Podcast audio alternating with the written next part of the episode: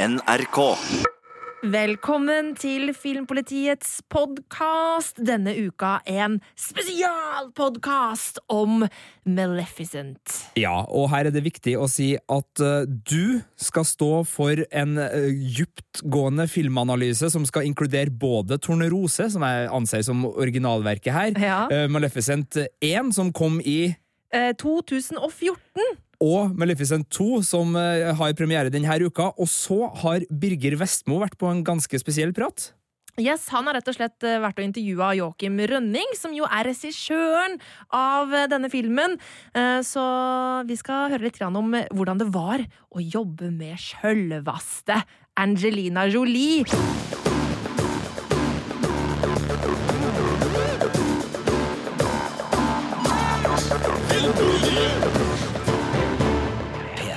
Og det er altså Sigurd Vik og meg sjøl, Marte Hedenstad, som er i studio akkurat nå. Og uh, Sigurd, uh, hva er ditt forhold til Disneys gamle Tornerosefilm?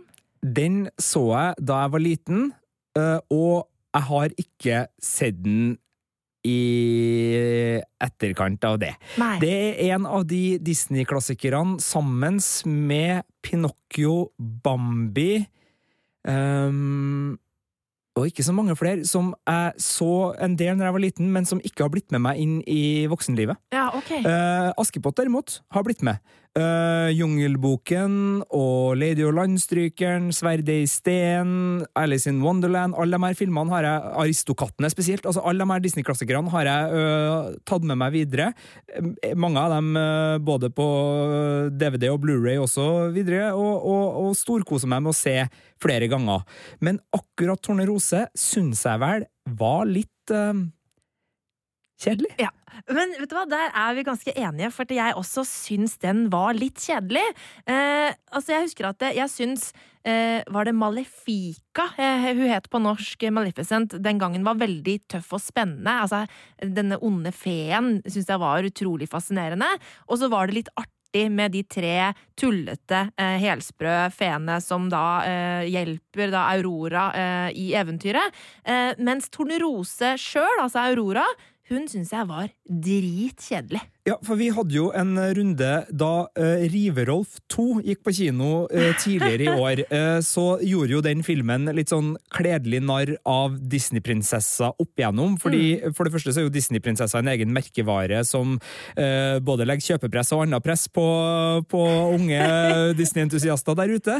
Eh, og eh, sjøl om Disney nå har blitt så voksen og woke eh, og politisk korrekt at de har blitt eh, selvrefererende og innser sjøl at de har vært med og skapt noen eh, prinsesser opp igjennom som kanskje ikke står seg like godt som eh, rollefigurer i 2019, eh, så har de jo de her ikke, svin på skogen nødvendigvis, men, men de har jo lagd dem her, da. Ja. Og du gikk da ganske hardt ut, husker jeg, for vi, vi snakka om liksom om det var på sin plass eller ikke, og da sa du vel at Tornerose er den kjedeligste Disney-prinsessa du vet om, Marte? Ja, men hun, hun er det i den originale tegnefilmen, fordi at uh, hun er på en måte bare snill og god.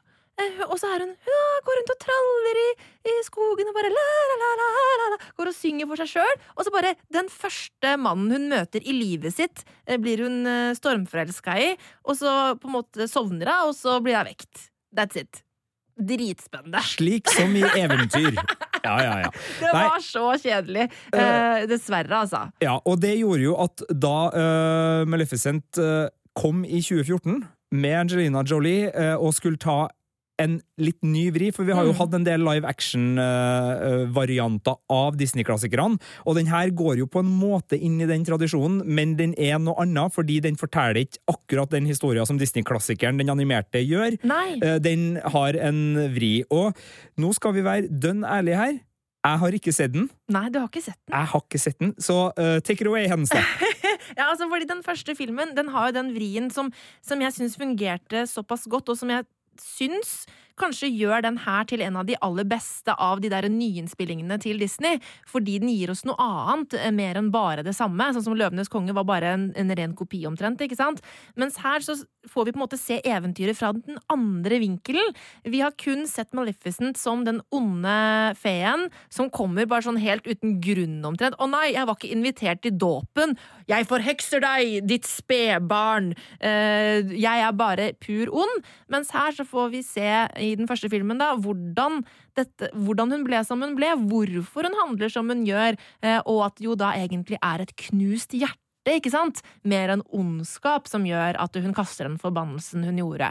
Og så fanger vel også denne filmen, eh, for jeg har sett traileren nemlig, eh, opp noen sånn tematiske tråder rundt det at det er seierherrene og seierkvinnene yes. som uh, skriver historien. Skriver historier mm. og at sjøl om et eventyr og en vri har blitt sånn, så er ikke nødvendigvis en korrekt gjengivelse av det som faktisk skjedde. Helt korrekt.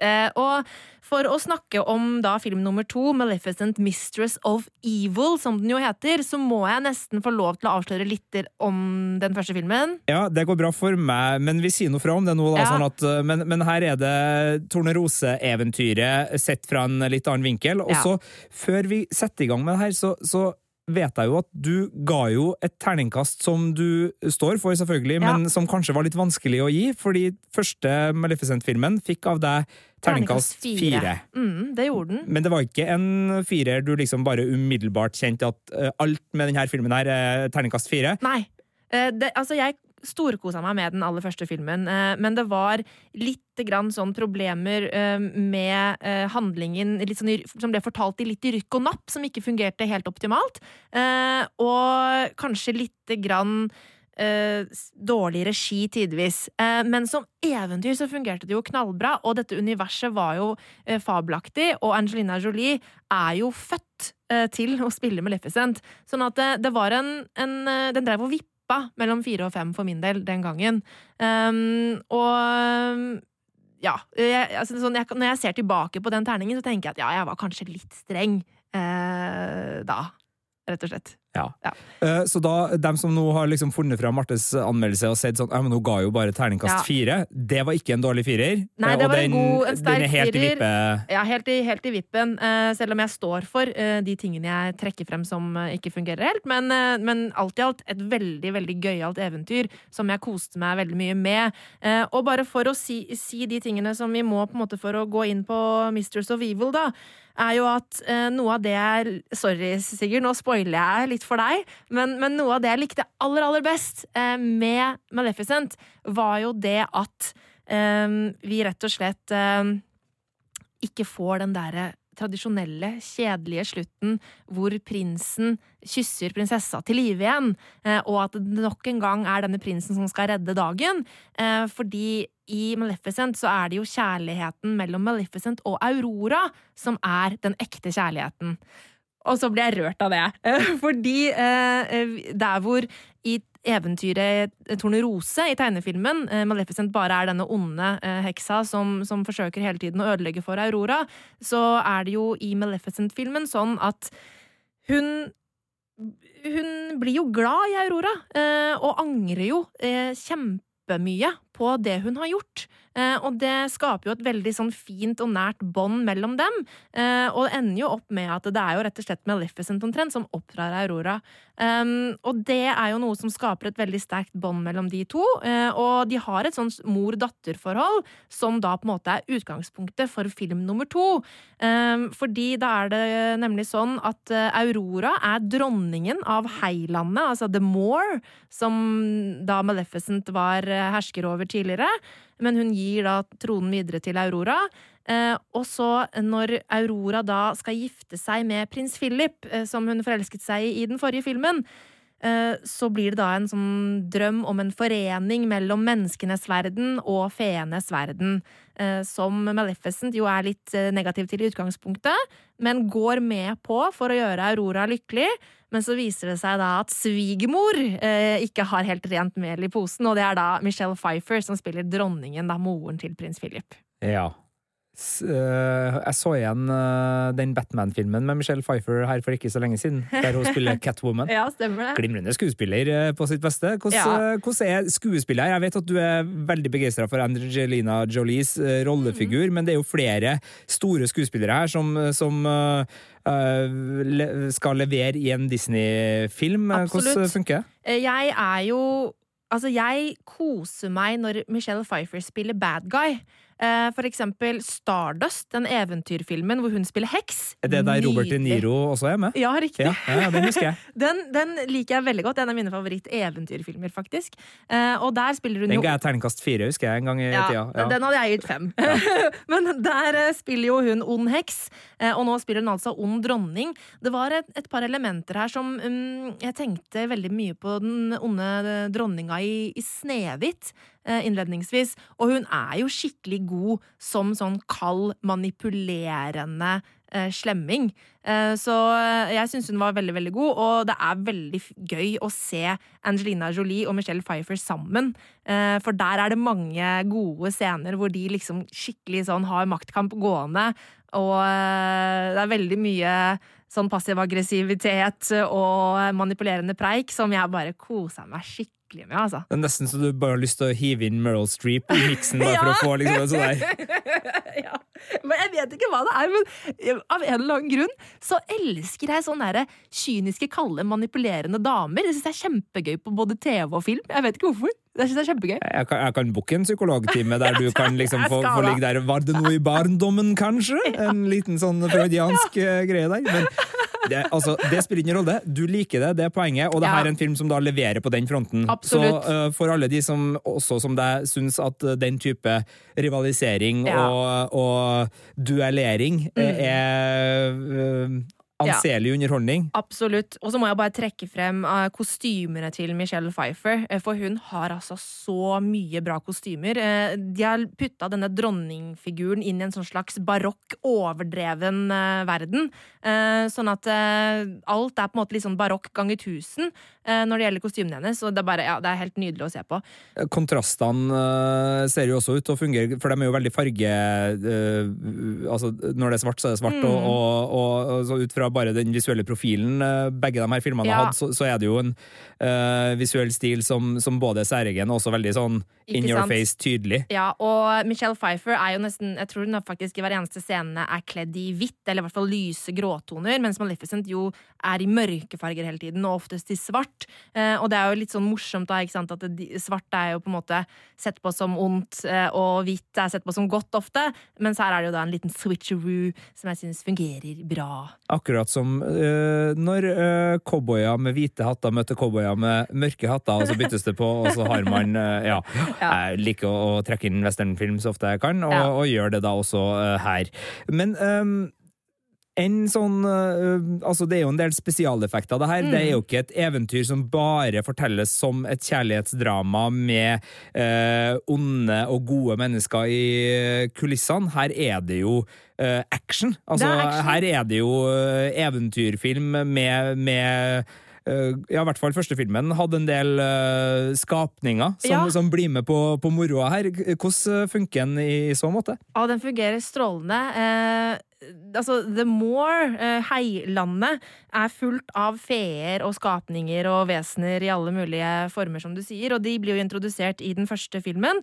Uh, og det landskapet utvides og utforskes mer i denne filmen. Uh, og jeg syns det er utrolig gøy å, å se på, og hvordan på en måte Joakim Rønning og co. leker seg veldig med det visuelle uttrykket og eh, gjenspeiler eh, egentlig liksom personligheten til disse figurene i måten kameraføringene går på.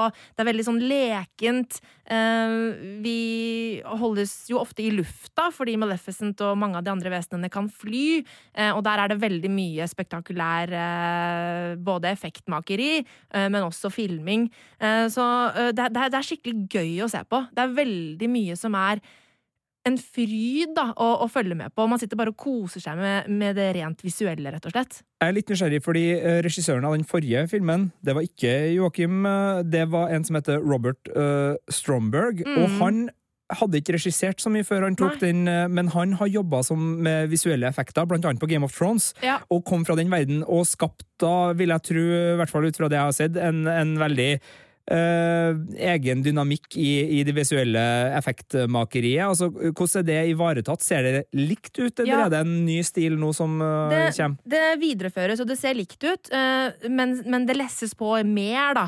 Eh, og det er mer større actionsekvenser som eh, har med eh, fefolket i større grad enn i den første filmen. Um, um, mens eh, i den første filmen så var det mer av Maleficent som sto for veldig mye av actionen. Her er det mange andre vesener som også får lov å være med på moroa.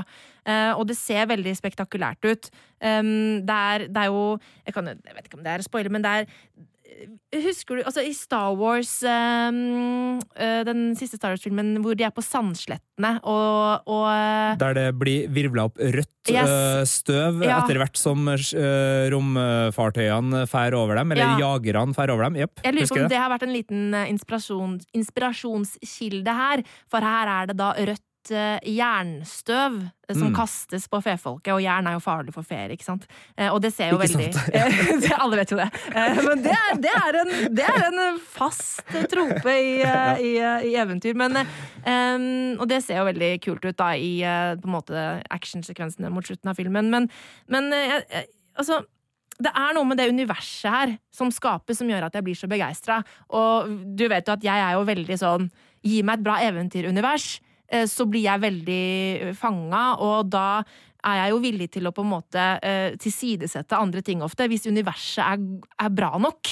Ja, Eh. eh, det, det er jo riktig. Uh, Og du er vel den Altså, vi er jo tre anmeldere i Filmpolitiet, og det var jo ingen tvil om at eh, Nei. det her var en, en eh, film du skulle se og anmelde. Og det er jo fordi at så langt det lar seg gjøre, i hvert fall, så er det jo fint at de som er uh, begeistra for en sjanger, et univers uh, osv., får muligheten til å bedømme det. Og da vil man jo få sånne ting som at hvis jeg skulle ha sendt deg på alle westernfilmene, så ville du synes sånn Den var kjedelig, den var kjedelig, den var kjedelig, og jeg bare sånn Terningkast seks, terningkast seks, terningkast seks, terningkast seks. Eh, og sånn er vi jo litt ulike, og Ja. det gjør jo at noen eh, vil liksom synes eh, at eh, terningen blir feil av og til, eller at man ikke eh, klarer å, å, å gjøre nok ut av enten styrker eller svakheter. Mm. Eh, men vi er jo glad i fankultur her i Filmpolitiet. Det er noe vi er begeistra for, både når det er TV-serieunivers som Game of Thrones, filmunivers som Star Wars, og også Disney. Og, og du er jo da den Ja. av oss som ligger nærmest der. Ja, det. Eh, så, så kanskje vil man, når Marte skal avsløre sin terning senere i denne podkasten, innse at eh, Oi, leste ikke jeg et helt annet terningkast eh, i en annen Ja, publikasjon? det er fullt mulig, det er fullt mulig, men det er jo da mitt som selvfølgelig er Ja. korrekt. Og man vet jo hvor du kommer fra, da, og det syns jeg er ærlig og redelig. Altså, Ja. Du utgir jo ikke her for å være en eh, objektiv uh, akademiker som har kommet til det her med, med brillene på nesa og pennen kvesset for å, for å undersøke hva er dette egentlig. Nei. Du er jo i utgangspunktet begeistra. Det er jeg, i Du gleder deg til den filmen her, Absolutt. og Mm. du har da tydeligvis ikke blitt så veldig skuffa. Nei, for det er jo det som er eh, Man kan jo, når man har høye forventninger, så er jo risikoen at, at de ikke blir innfridd, og da blir man jo desto mer skuffet og kanskje blir enda strengere på terning osv. Men her følte jeg at eh, inn, eh, forventningene mine ble innfridd, og nå skal jeg bare si en liten ting. Det er noe med handlingen jeg ikke ønsker å avsløre, som traileren avslører. Så hvis ikke du har sett den traileren enda, så vil jeg fraråde deg å faktisk se den, i hvert fall helt til slutten, for der kommer det en, en ting som ikke jeg visste da jeg så filmen, og som jeg ble veldig sånn fornøyelig overrasket over, da. Um, men det handler om at vi utforsker mer av Maleficent sin bakgrunn i denne filmen her, som jeg syns fungerer veldig, veldig bra, og vi får vite litt mer hvor hun kommer fra, og hvem hun egentlig er. Eh, og der var det så mye fine scener med Angelina Jolie, hvor vi på en måte får for at Maleficent er en figur som er veldig sånn vittig. Hun er veldig sassy, hun er veldig frekk, egentlig, og har veldig mange sånne morsomme replikker og sånn. Eh, og bruker jo det derre magien sin og den onde heksa-hermetegn-greia si som et slags beskyttende skall. Eh, mens eh, her så får vi liksom komme litt mer på innsiden av det skjoldet, da, eh, og se hva som ligger innafor. Og der hvor på en måte vi, filmen tør å la henne være sårbar, da, så spiller Angelina Jolie også veldig, veldig bra. Eh, og det var noe jeg det var sånn, Da begynte jeg å gråte og sånn. Eh, og det, ikke at jeg, jeg begynner å grine av alt, men, eh, men det var veldig, det var en del sånne skikkelig fine øyeblikk som jeg satte stor pris på. Men er det her en film som eh, kommer til å liksom havne i den bolka over filmer du plukker fram gang på gang og, og virkelig koser deg med når du en høstkveld skal liksom Å, nå har jeg lyst til å se en skikkelig god eventyrfilm. sånn som man kan finne på Ja. med eksempel en viss Ringenes herre-trilogi, eller andre eventyrfilmer som også har både liksom eh, actiondrivet, dramatikken, Mm. eh, lunheten i rollefigurer, altså godt selskap kombinert med godt fortalt. Ja, absolutt. Eh, Jeg har jo sett Maleficent flere ganger. men jeg tror kanskje faktisk at jeg kommer til å se mm, Maleficent Mistress of Evil enda flere ganger. Fordi der hvor den første filmen jeg ikke hadde helt sansen for kong Stefan, eh, som jo er da antagonisten i filmen, eh, og, og som er den som knuser hjertet til Maleficent, så, så han på en måte fikk jeg ikke helt tak i. Eh, Jeg syns ikke han fungerte godt nok som figur. Uh, og trakk nok filmen litt ned for meg. Det var kanskje litt derfor også jeg endte på fireren. Um, men mens her fungerer helheten eh, mye bedre. Um, og selv om den har noen litt sånne problemer med tempo, det er noen ting som kanskje ikke virker 100 troverdig eh, i hvordan rollefigurer handler og sånn underveis, eh, så, så er dette her mer fornøyelig fra start til slutt. Eh, Så den kan jeg komme lett til å trekke frem den eh, på en eh, søndagskveld, for eksempel. Og uh, for deg som ikke blir avskrekka av det å se én eller to eller tre uh, filmer på rappen, eller i hvert fall komme inn i en slags steam, uh, det være seg Harry Potter eller Ringenes herre eller andre ting, så er det fullt mulig å kjøre en double bill ei helg med Maleficent, eller kanskje til og med start på Tornerose. Og kjøre en trippelgreie, og se Ja, Tone altså, først, eh, og så Maleficent, ja, uh, og så Det er jo en del uh, vink og nikk til den originale filmen i begge disse filmene, som jo selvfølgelig det er egentlig litt rart å tenke på, fordi ja, jeg syns Tornerose er litt kjedelig, men herregud så mange ganger jeg har sett den filmen! Jeg kan den filmen utenat, men jeg vet ikke om det handla mer om på en måte min barndom, hvor vi fikk, vi fikk en VHS-kassett, og det var den nye filmen vi hadde fått, og det var ikke så ofte vi fikk det, og da så vi den igjen og igjen og igjen og igjen og igjen. og igjen. Eh, sånn at eh, jeg kjenner jo igjen alle de nikkene eh, til den originale tegnefilmen. Og det kan jo, hvis man syns sånt er gøy, så kan man jo se den, da. Eh, men man må på en måte Den er nok eh, Den er jo et produkt av sin tid, eh, er den.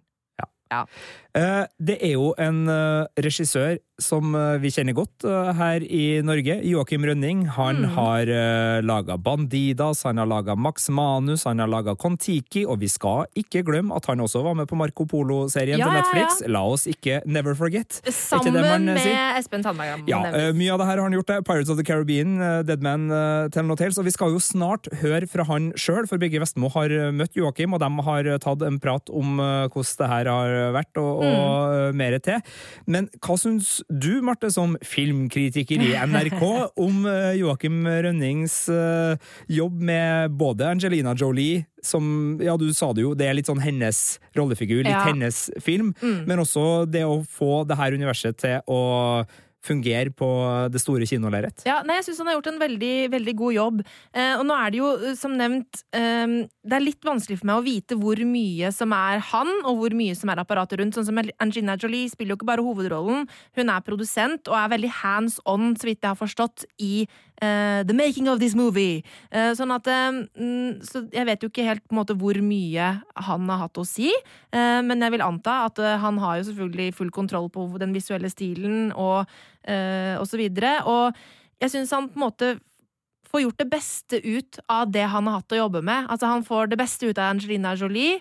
Han får uh, det beste ut av uh, manuset. Uh, samtidig så syns jeg at Og han er, altså, han er veldig god på action. Uh, synes jeg. Jeg syns det ser visuelt action veldig kult og veldig stilig ut. Da kan jeg bare skyte inn at jeg anmeldte jo Pirates of the Caribbean Dead Man Tell No Tales, Mhm. som uh, han da uh, også laga sammen med Espen Sandberg. Og der òg syns jeg jo spesielt åpningssekvensen, som er en ganske lang actionsekvens. Jeg vet ikke om du har sett den? Nei, jeg har ikke. Starter med Johnny Depp, selvfølgelig.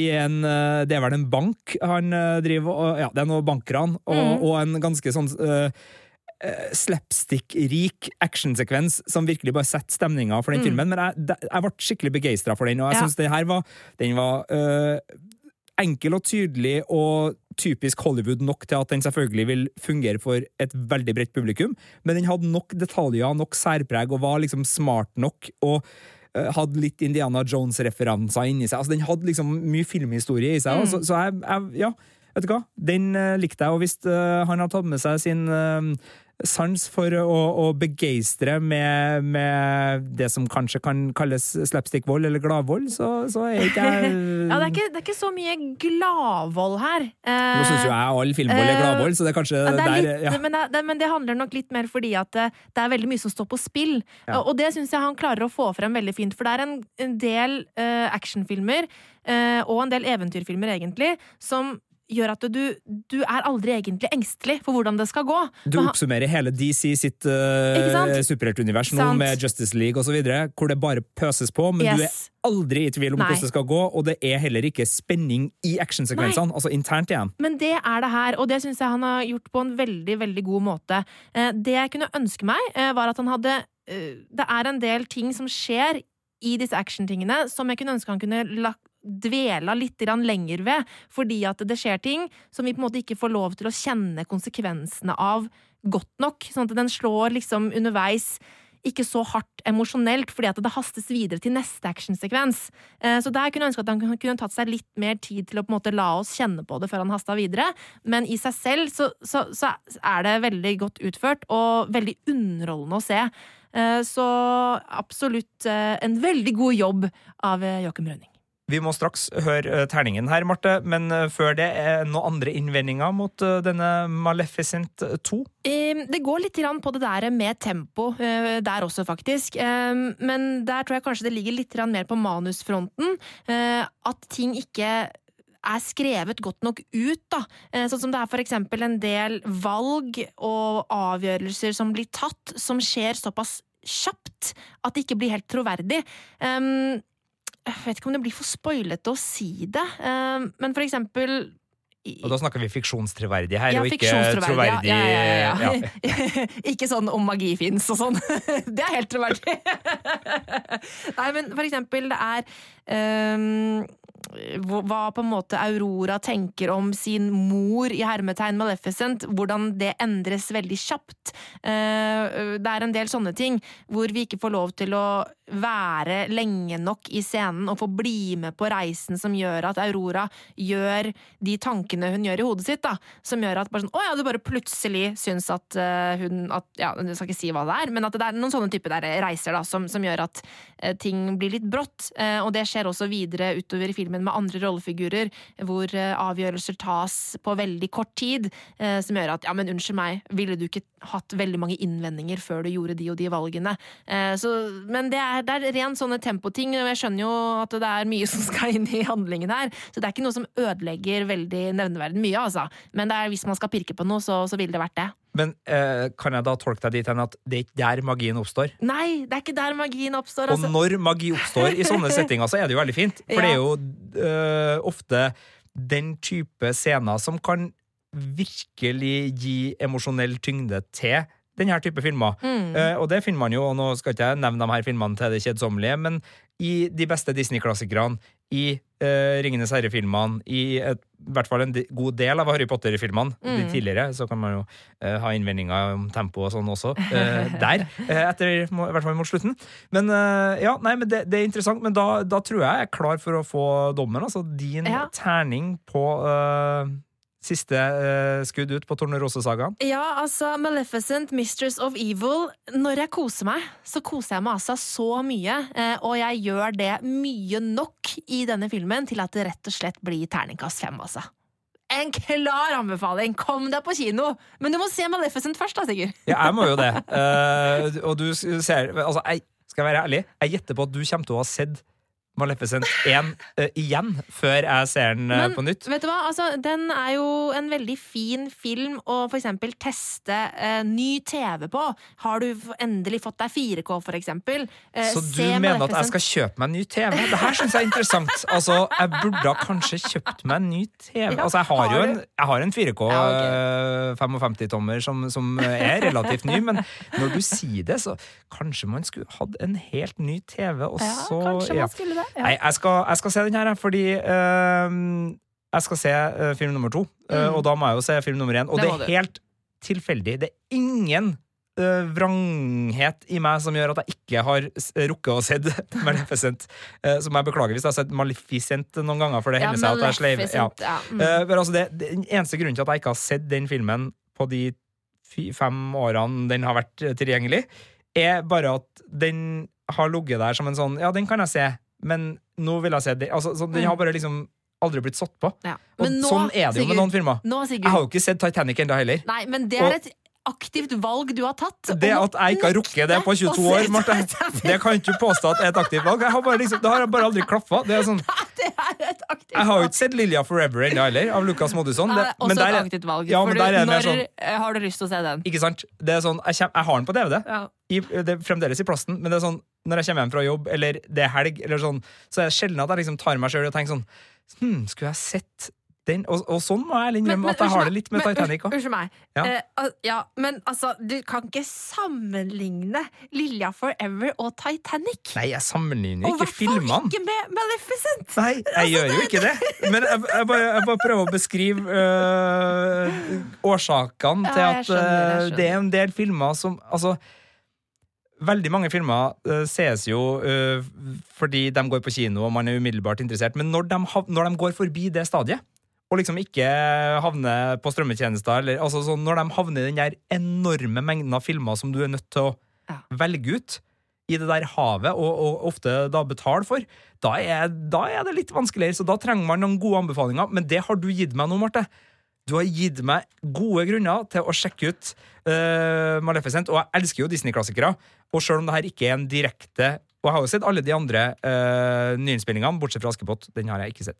Eh, Den er men- også ganske fin, men, den, men ja, og, og her er vi vel, nå er vi vel ganske avslørende nært eh, mitt problem her. Hvis jeg ikke har sett uh, Tornerose-filmene og ikke har sett Askepott-filmene, da er det kanskje en viss type Disney-klassikere som jeg ikke er like interessert i som eh, Ja, men- Løvenes konge og Jungelboken. Ja, men da skal jeg fortelle deg at det er jo da fint at uh, de nye uh, innspillingene av prinsessefilmene i hermetegn faktisk moderniserer det eh, og bringer det til dagens eh, tid med tanke på kvinnesyn osv. Jeg liker jo at vi kan ø, prøve å late som at jeg er så woke at jeg ikke Nei, det, for det er det jo virkelig ikke. Eh, Det er jo bare fordi at jeg eh, nok ikke har syntes at de filmene har vært spennende nok. Eh, Mm. Askepott har jeg, var mer bare slitasje, fordi det finnes så mange varianter av Askepott.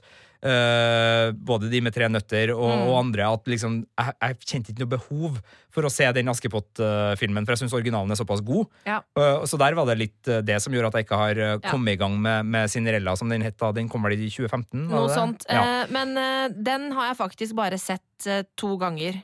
Eh, Ja. har Dumbo har jeg heller ikke sett uh, Tim Burton sin uh, nyinnspilling av. Men nok om det. Eh, Maleficent den kan du i hvert fall se i, Den ligger i Viaplay, iTunes og Google Play osv. Og, så og Maleficent Mistress of Evil går jo da på kino i disse dager, og jeg anbefaler å se den på kino. Ja. Og nå har jo vi skravla ei stund om den.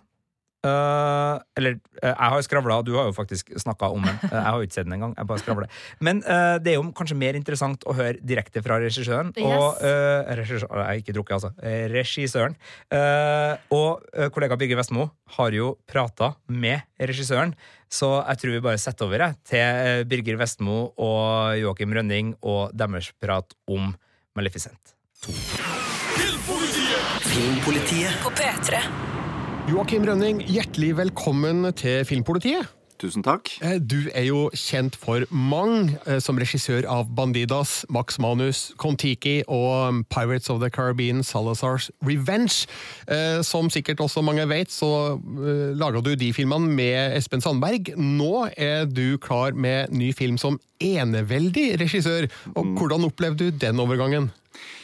Nei, altså, det er jo øhm, øh, På godt og vondt, vil jeg si. Uh, det er jo også Espen og jeg, vi var jo mer enn bare regipartnere, holdt jeg på å si. Altså regimakkere. Vi, jo, vi vokste jo opp sammen. Vi møtte hverandre på, på barneskolen og, og vokste opp sammen i, i Sandefjord og har laget film siden vi var ti år gamle.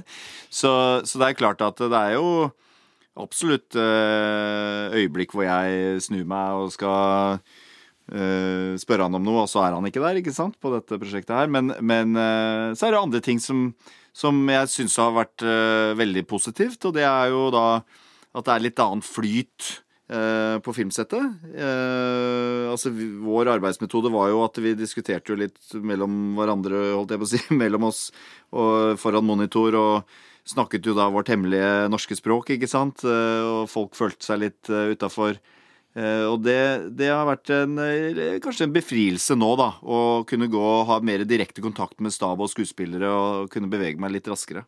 Men så kommer du inn i en film der flere nøkkelpersoner allerede har en film bak seg. Både folk foran kamera og noen bak. Ble du litt outsider inn i dette prosjektet? Nei, ikke noe mer enn jeg ble på Pirates of the Caribbean. Som også var jo en sequel, uh, som det heter. Uh, og det er ikke det at jeg elsker å gjøre sequels. og det er jo helt klart en styrke i det også at man kan på en måte Man vet litt hva som fungerer og ikke fungerer, og man kan håndplukke litt de tinga man er glad i, da, ikke sant? og som man vet fungerer, og som fans liker, og sånne ting. Og så Samtidig, som filmskaper, så er det jo viktig også at jeg lager noe jeg føler er originalt, og at jeg kan utvide universet og, og og, og, utvikle videre karakterene i historien. Da, og, lage, og komme med nye karakterer. Men eh, som du sa, dette er jo din andre oppfølger på Rappen. Eh, mm. nå, nå, kom du på nytt til et allerede etablert univers. I hvilken grad la det føringa for hvordan din film skulle se ut? Altså Det som jeg likte veldig godt med den første filmen, eh, og som overrasket meg litt faktisk når jeg så den, var jo hvor mye den grep meg sånn rent emosjonelt. Eh, og da spesielt eh, dette forholdet mellom Maleficent og Aurora. Mor-datter-forhold, ikke sant. Jeg er Eh, foreldre selv. Jeg har to tenåringsjenter, og, og, det var noe jeg kunne relatere til selv oppi alt dette eh, fantastiske eventyr, eh, ikke sant. Eh, og det var veldig viktig for meg å, å, å, fortsette å utforske det forholdet mellom de to, ikke sant. Eh, for det er jo det som stå, stå meg nærmest, og, og, man kan jo ha så mye spectacle, som det heter. Uh, man bare orker, men hvis ikke man bryr seg om karakterene og klarer å relatere seg til karakterene, så spiller det jo ikke noen rolle. Men når du kommer til dette allerede dekka bordet, for å si det sånn, hvilke muligheter har du til å sette ditt eget personlige preg på uh, Maleficent nummer to? Ja, altså, um, ja, det er dekka bord i den forstand at uh, vi har med Maleficent og Aurora. Det er noen karakterer og sånne ting. Men så er det jo klart at uh, denne filmen er jo en original historie, hvor den første filmen var jo basert på um, ja, hva er Sleeping Beauty på norsk? Tornerose. Tornerose. Ja. uh, Og, og, løst basert, da, ikke sant? Og, og, litt overraskende fortalt fra Maleficent sitt point of view, og sånne ting, ikke sant? som var veldig spennende. Eh, så det som var viktig for meg, var jo å prøve å overraske publikum igjen, da.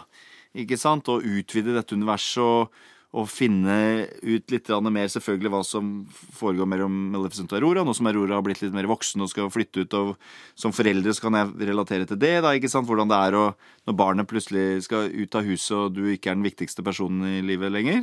Eh, samtidig som jeg ville finne ut av hvem Maleficent er, da, og, og eh, grave litt dypere i hennes eh, eh såkalte liksom origin story, da, som mm. det heter på godt norsk. Jeg må nesten be om unnskyldning for å ha brukt uttrykket 'dekka bord' her, for det høres nesten ut som at filmen har laga seg sjæl! Og det er jo åpenbart ikke tilfellet. Altså, det er jo en vanvittig stor skala på den produksjonen du har gjort eh, her. Altså et visuelt effektarbeide av ypperste sort, kombinert med mm, eh, en, en, filmfortelling, som du sa. Eh, den går for hjerterota. Og mm. hva er ditt mål at publikum skal sitte igjen med når de har sett Maleficent, Mistress of Evil? Ja, altså jeg, jeg tror jo Eller det jeg håper, da, er jo på en måte at alle de filmene jeg har regissert hittil, eh, altså sånn spesielt Max Manus og Kon-Tiki og sånt, så er jo eh, det som er det aller viktigste for meg, er jo den emosjonelle kjernen av historien. Um, og, uansett, og det, uansett, om det er pirater eller uh, um, hva skal jeg si, eventyr, uh, fairytale, Ja. så, så, så, er det, så er det jo det som jeg syns kanskje er det vanskeligste når man skal fortelle en film på lerretet. Eh, så er det jo det å, å gripe prøve, prøve å gripe publikum. Og den, og den kjernen er, er jo det jeg jobber mest med. Og når man står på disse store filmsettene, og det er 1000 mennesker i sving og store eh, masse utstyr og folk og store stjerner og sånn, så, så koker det jo ned til det for meg at liksom, her må jeg bare fokusere på karakterene og, og de mellommenneskelige relasjonene, da, ikke sant? Eh, Men før man rekker å bli grepet av historien, så blir man betatt av eh, hvor stor filmen er. Altså, du starter med en eh, vanvittig tur gjennom heilandet. men starter stort og bredt, og så ender det opp på et mikroskopisk eh, nivå. Altså, eh, planen og tanken bak akkurat denne startsekvensen, kan du si litt om det? Ja, eh, det brukte jeg veldig lang tid på. Så igjen da har, jobber jo med de beste i, i bransjen, og det er jo da en to og et halvt minutt lang eh, CG-sekvens, som det heter, også laget i datamaskinen. Um, men det krever jo enormt med planlegging, og, og den sekvensen jobbet vi med i over et år. Ikke sant? Fordi det er jo enormt med data som skal uh, behandles, da. Uh, men det var veldig viktig for meg å, å gi en form for geografi i historien vår. Fordi det er, handler om forskjellige kongeriker, og ikke sant? Noen, noen har sett den første filmen, andre har ikke sett den første filmen. Uh, og vise litt sånn hvor vi er hen i verden. Også, og da gå inn i dette uh, litt uh, mikrouniverset som, som også eksisterer i filmen, da, ikke sant? Og vise at det ting er at, det, at naturen er bygd opp på en litt annen måte enn det vi er vant til i virkeligheten, da, ikke sant? Ja, Du er fornøyd med den åpningssekvensen der? Vet du hva, jeg er litt sånn vanskelig å, å Jeg er litt vanskelig sånn sett. Ja, men et fantastisk eh, anslag, i hvert fall. Eh, Ja, det er hyggelig at du sier. Tusen takk. Du nevnte at du jobber med de, de beste i bransjen. Jeg la merke til du, eh, du bruker f.eks. en kameramann fra, som, som har jobba på Guardians of the Galaxy og Suicide Squad, og du har klippere som har jobba på Serenity og Age of Tomorrow og Ant-Man and the Wasp. Eh, Du bruker en produksjonsdesigner som jeg kjenner igjen navnet på fra Independence Day og Dark City. Ja. Og eh, det er folk som har imponerende CV-er her. Hvordan påvirker det jobben din å få med deg virkelig eh, veteraner i bransjen? Nei, altså til syvende og sist så får jo disse her eh, meg til å se bra ut, da. Ikke, sant? Det er jo det.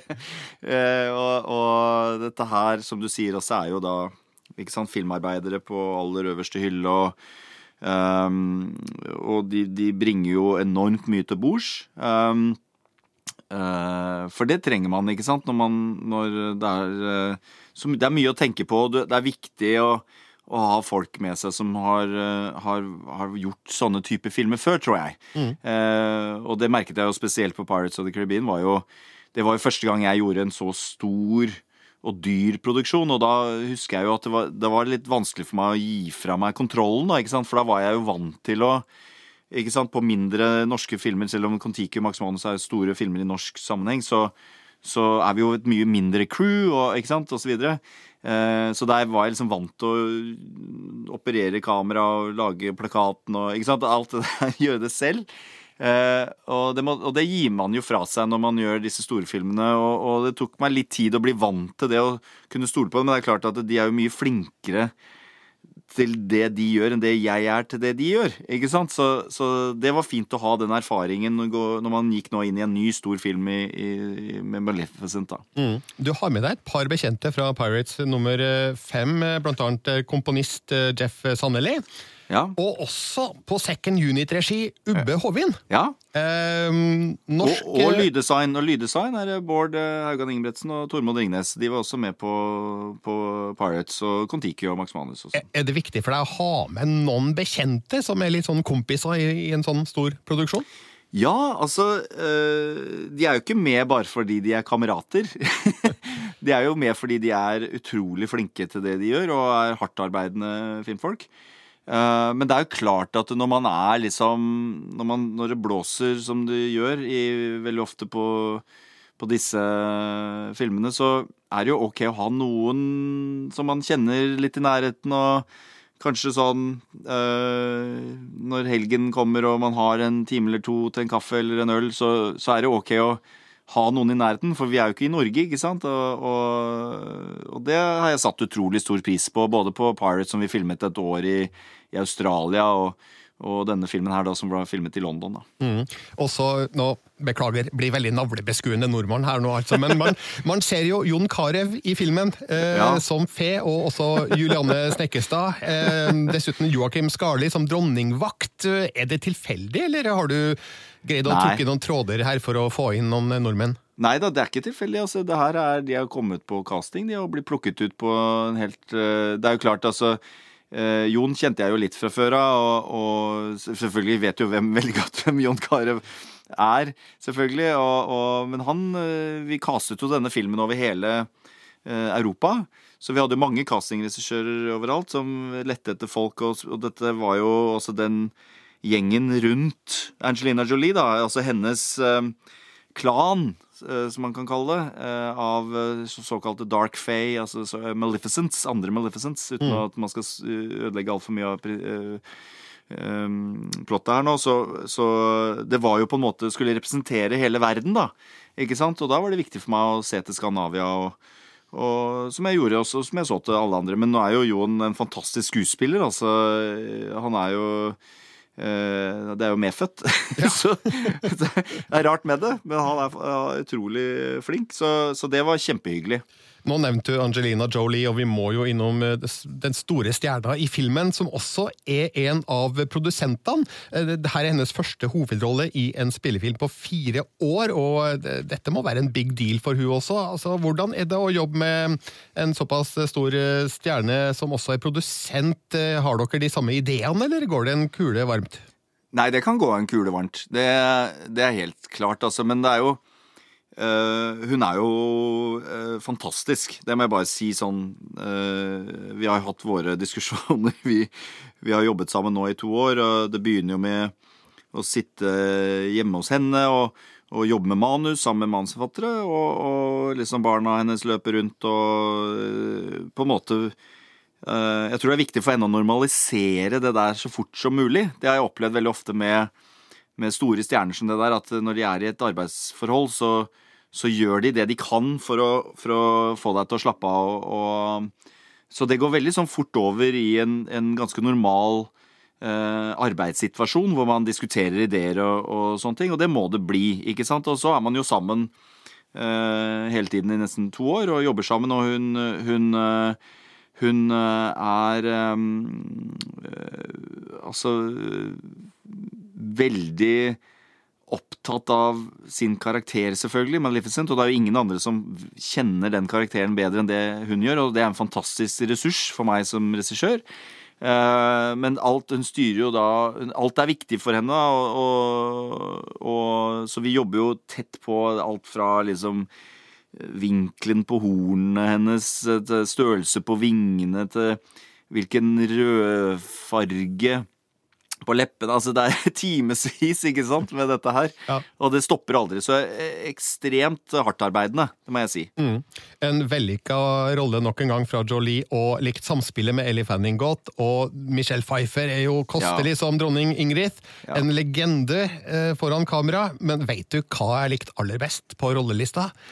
Warwick Davis. Ja, ja. Warwick Davies. Som, det var viktig for meg å ha med han. Det ja, synes jeg var veldig gøy. For de som ikke vet hvem han er, han er jo da eh, en kortvokst britisk skuespiller, kjent fra Willow, Harry Potter, Star Wars og en rekke andre eh, filmer der ja. en kortvokst person er påkrevd.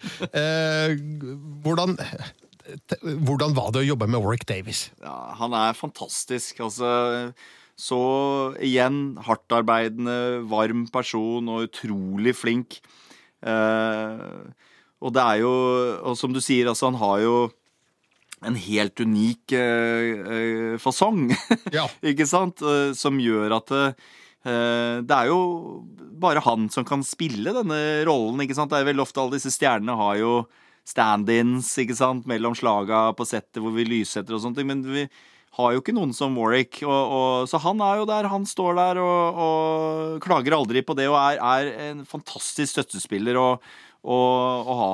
På, på settet. Det må jeg bare si. Det har vært en fantastisk opplevelse å jobbe med han. Og, og jeg møtte han nå igjen på premieren i London for et par dager siden. og Kjempehyggelig. Ja, Deilig å se han. Det blir liksom eventyr med en gang når han Ja. dukker opp i en scene. Så smart smart Ja. move, Mr. Rønning. Ja. Eh, du, Den første Maleficent den kom jo altså for fem år siden. Den, eh, den ble en stor suksess. Den eh, tjente vel inn 750 millioner dollar på kino. Eh, hva tenker du om din films muligheter på, på markedet? Nei, altså, man håper jo på det beste. Altså, det er jo en dyr film som, eh, som jeg håper at uh, folk går og ser. Uh, ikke bare for at den er dyr, men at, uh, at det er jo Hva skal jeg si Det er jo, det er jo mitt Det er jo et kunstverk, da, ikke sant? Som man, som man lager, og jeg ønsker at så mange som mulig skal se den og like den. og og bli revet med i denne historien og, og filmfortellingen. Eh, så får vi bare se, da, hvordan det går. Det, er, det vet man aldri. Og, og det, er, eh, det er Det tror jeg det er for alle filmskapere og alle som er involvert. Så det er alltid spennende å se. Hvordan, fordi det er, nå, har jeg bare, nå har jeg sittet i et mørkt rom i et år, så det er jo hyggelig å liksom få den ut der, da. Ja. Ikke sant? Og få reaksjoner. Men det er noe som heter tracking. Eh, Det er, folk er kanskje ukjent med hva det er for noe, men, men eh, det, er, det er en måte å spå eh, åpningshelga på, og trackingen til Maleficent eh, Mistress of Evil sier rundt 50 millioner dollar, og det er jo en betydelig sum. Eh, Hva tenker du om det? Ja, det ble jeg veldig fornøyd med. Hvis den treffer så Altså, oktober er jo Hvis man skal virkelig nå, som du snakker om tracking, så skal jeg komme med enda mer inside, og det er jo at uh, oktober er jo en uh, Egentlig en litt vanskelig kinomåned i USA. Uh, jeg er ikke helt sikker på hvorfor, men den ligger liksom mellom skolestart og juleferie, tror jeg. Eh, men eh, jeg tror Disney satser på det i og med at de på en måte håper at det er jo en Det er litt mørkere enn en vanlig Disney-film, og, og den girer opp til Halloween, som er jo stort og blir jo større og større over hele verden. Så, så vi får se hvordan, eh, om de eh, treffer blink. Eh, nå skal jeg stille et ja-nei-spørsmål. Altså, for dette er, som vi var inne på, din andre oppfølger i Hollywood på rappen. Har du, har du gjort de her jobbene av litt sånn strategiske årsaker for å posisjonere deg som et navn i Hollywood? Uh, nei. Det, nei, altså Pirates of the Caribbean gjør man jo i, uh, I hvert fall Det er jo noe jeg hadde sagt ja til uten å ha lest manuset, liksom. Det er jo et, uh, en, en, en utrolig mulighet sånn som filmskaper å få lov til å Hva skal jeg si Gå i i spora til Indiana Jones og, og Jack Sparrow. Ja. um, mens Maleficent kom jo mer ut av at da, nå hadde jeg et, eh, et bra forhold til Disney, og jeg likte veldig godt de som, eh, som, som jobber på Disney uh, i, uh, i Burbank og i Los Angeles. Og det uh, og synes at og De var alltid på en måte i mitt hjørne, og vi har hatt en veldig fin kreativ prosess sammen. Og de er, de er en fin gjeng. Man hører jo skrekkhistorier med, med hva skal jeg si, indie-filmregissører som skal eh, gjøre fi- film for Hollywood-studioer. Men, men for meg så har det gått veldig bra, og og har kanskje vært heldig sånn sett. Eh, nå er det jo mulig å google seg fram til nye ting du har på blokka. Så vet man jo ikke helt hva som blir av det, men eh, filmen Origin er annonsert. Eh, produsert av Jerry Bruckheimer, som også gjorde Pirates of the Caribbean. Ja. Eh, og den har du skrevet med din bror Andreas. Ja da. Ja, så det har jo vært noe som på en måte Altså, jeg, jeg føler vel ikke at jeg er manusforfatter. Jeg har liksom for mye respekt for det yrket. Men eh, jeg tror det er viktig Jeg har jo alltid liksom på en måte eh, Som regissør, da, så må man som filmskaper, så tror jeg må Det er den eneste måten å komme seg inn på, er å skrive, skrive historier og, og kanskje lage de og, og sånne ting. Så vi har jo alltid, Andreas og jeg, min bror, vi har jo alltid roddet litt og, og skrevet ideer og filmer og sånn, og så har vi skrevet noen manus, da, og, og dette manuset uh, ble jo Jerry Bruckheimer uh, begeistret for, og så solgte vi det til Paramount, så det er det vi holder på med nå. Uh, og det er veldig spennende, og det føles jo litt mer, selv om det er en science fiction-historie og sånne ting, og så føles det litt mer personlig for meg da, å kunne ha å være det kommer- At det på en måte kommer fram fra oss. Eh, så vi får se. Men veit du nå at eh, Origin blir din neste film, sånn helt bankers? Nei. Nei. Og det er, det er andre ting på tapeten som kanskje er nærmere. Ja, du, er- du, er, du, er, du er rykta som regissør av, av Micro, basert på en bok av Michael Crichton. Ja. Er, det, er den også en, en Ja. ball i lufta? Ja og den er, det er veldig spennende. Det er jo Spielberg eh, som produserer, og jeg er jo eh, veldig fan av han, og, og så, så det, så det er eh, det er mange Det må det være, ikke sant? For jeg føler jo egentlig alltid at det er et mirakel at, eh, at noen film blir laget. så det er så mange uh, moving parts, som det heter. Mhm. Eh, flere ting med din bror på blokka. Ser Here Be Monsters er nevnt, og også noe som heter Amnesia. Altså, Hvor mange filmer har dere egentlig planlagt? Ja, igjen da, så tror jeg det der er helt vanlig å ha litt mange jern i ilden. Uh, og liksom ri litt flere hester og se hvilken, hvilke prosjekt som, som får et moment, da, ikke sant? Momentum. Eh, og, og så får vi se. Det, det, det jeg skal gjøre nå de neste ukene, er bare ligge på sofaen, tror jeg, og, og slappe av. Fordi det har vært ganske hektisk ja. de siste månedene. Men hvor lenge klarer du å ligge på sofaen før det klør i reginerven igjen? Jeg tror jeg skal klare en uke. Er du fortsatt like glad i film eh, nå etter så mye hard jobbing som du var da du starta med det? Det hjelper med en uke på sofaen. Fordi man blir litt Man er jo helt utkjørt etter et sånt uh, race. Uh, men uh, Og ja, så vi får se. Nei, nei, jeg, jeg, jeg elsker film, og, og jeg, jeg Jeg kan ikke Jeg er ikke noe god på noe annet, jeg. Så det, er- det er filmskapet jeg er. Ja, Det er lite som tyder på at du får mindre å gjøre i åra som kommer, i hvert fall. Joakim Rønning, tusen takk for at du kom til Filmpolitiet, og må bare ønske deg lykke til med premieren på Maleficent Mistress of Evil. Tusen takk, Birger. Filmpolitiet. Dette er P3. Ja, Det var Birger Vestmo som snakka med Joakim Rønning, altså. Spennende å få lov å prate med regissøren av Maleficent Mistress of Evil, som jeg da ga terningkast fem. Diskuterte du filmen med Birger da dere hadde sett den sammen? Nei, det gjorde vi ikke. eh, Fordi eh, Birger eh, Og han er jo sånn som egentlig ikke vil diskutere med noen etter at han har sett en film, når han skal anmelde. Og han er også veldig var for å påvirke meg, ikke sant. Han vil Ah. ikke ødelegge for min dom, for min dom er jo min dom. Så jeg aner ikke hva han syns om filmen. Rett og slett. Men du er litt spent? Jeg er litt spent. Eh, er du også spent på hva andre mener om filmen, så kan jo dem eh, bruke Instagrammen vår, NRK Filmpolitiet. Der ligger det en, eh, et anmeldelsesbilde med terningkast fem fra Marte Hedenstad. Yes. Eh, og hvis du er enig, slå gjerne av en liten prat med oss der om hvorfor. Og hvis du er uenig, så så, kan du må bare dra til helvete. Nei da. Da skal uh, Skal vi se, hva er ekvalenten av shame i Maleficent-universet? Jeg vet ikke, for jeg har ikke sett noen av filmene, men jeg sier shame, shame, shame, Marte Hedenstad. Hvis dere er uenige, skriv det også. Det fortjener Marte å høre. Hun har godt av å få bryna litt av den her eventyrbegeistringa si på, på meningsmotstandere. Så, Absolutt, så, så kjør på der, altså. Ja. Uh, For det er to ting jeg vet. At hvis det er en hekseserie eller en eventyrfilm, så er sannsynligheten for at Marte liker det litt bedre enn meg, eh, veldig Ja, til stede. Men hvis det er dårlig, ordentlig dårlig, så slakter jeg det. Det er sant. Hva het den eh, Netflix-serien med hun fra Battlestar Galactica? Å, fytti rakkeren. Eh, hva het den? Another Life? Another, ja, samme det. Ja, for Eh, der trodde du, at du, du Ja. trodde at du skulle elske det fordi du elsker Battlestar Galactica Ja. så mye. Mhm. Og når den kom og ikke levde opp til forventningene, da Da ble det smell. Rett og slett. Eh, Katie Sackhoff leverte ikke varene i Var det Another Life? Ja, samme det. Drittserie Netflix. Man tukter dem man elsker, Det gjør man. og Marte Hedenstad er ikke noe unntak der. Nei. Men Maleficent 2 Den er strålende, rett og slett.